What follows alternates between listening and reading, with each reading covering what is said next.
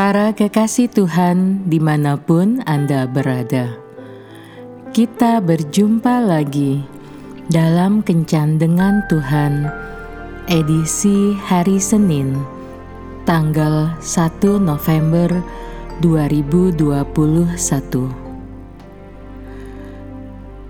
Dalam Kencan kita kali ini, kita akan merenungkan ayat dari Kitab Pengkhotbah bab 3 ayat 1. Untuk segala sesuatu ada masanya. Untuk apa pun di bawah langit ada waktunya. Para sahabat kencan dengan Tuhan. Waktu adalah sesuatu yang sangat berharga namun sering kali disia-siakan oleh banyak orang. Orang yang menghargai waktu akan mengisi hari-harinya dengan hal-hal yang berguna dan membangun. Tetapi orang yang tidak menghargai waktu, akan membiarkan hari-harinya berlalu tanpa peduli apakah yang telah ia kerjakan hari itu sia-sia atau berguna. Pengkhotbah berkata bahwa untuk segala sesuatunya di muka bumi ini ada waktunya.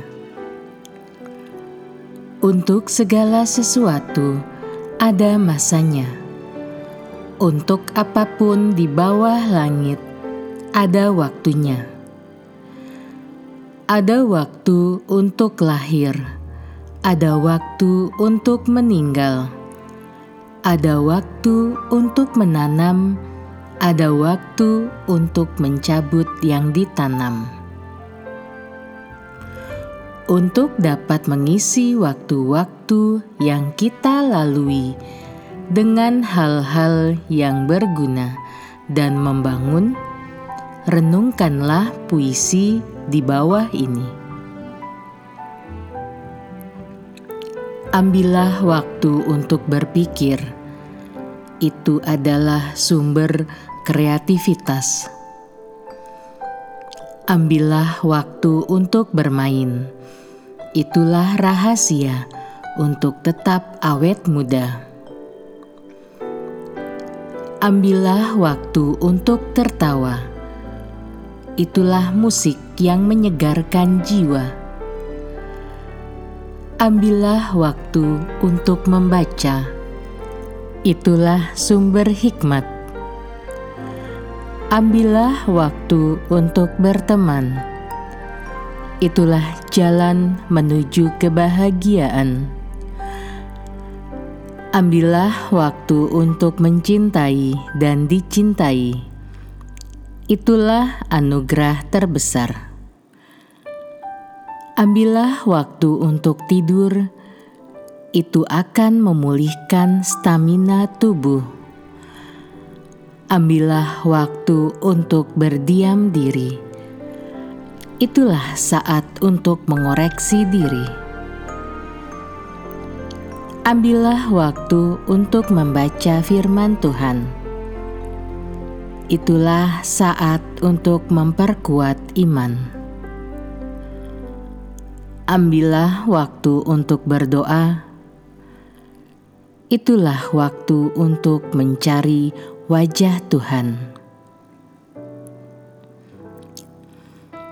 Setiap orang yang ingin berhasil di dalam hidupnya harus belajar menata waktunya dengan baik. Seorang pengkhotbah yang baik harus mengambil waktu khusus untuk mempersiapkan khotbahnya. Ia harus berdoa untuk topik khotbah yang akan dibawakannya dia harus membaca firman Tuhan berulang-ulang dan membaca buku tafsiran. ia harus mencari ilustrasi atau humor yang akan mewarnai khotbahnya.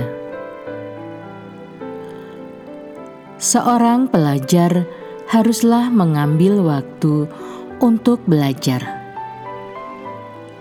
Ia harus mengulang apa yang sudah diajarkan gurunya, sehingga mendapat nilai yang baik dalam ujian. Seorang guru yang baik harus mengambil waktu untuk mempersiapkan materi pelajaran yang akan diajarkannya, supaya para murid menerima pelajaran yang bermutu. Seorang olahragawan harus mengambil waktu untuk berlatih. Ia mengatur jadwal latihannya, terutama menjelang hari pertandingan. Seorang ibu yang bijak mengambil waktu untuk mempersiapkan makanan sehat dan keperluan keluarganya setiap hari. Sudahkah Anda menata waktu hari ini dengan baik? Tuhan Yesus memberkati. Marilah berdoa. Tuhan Yesus, berilah aku hikmat dan kemampuan untuk menata waktu yang Kau berikan dan mengisinya dengan hal-hal yang berguna dan membangun. Amin.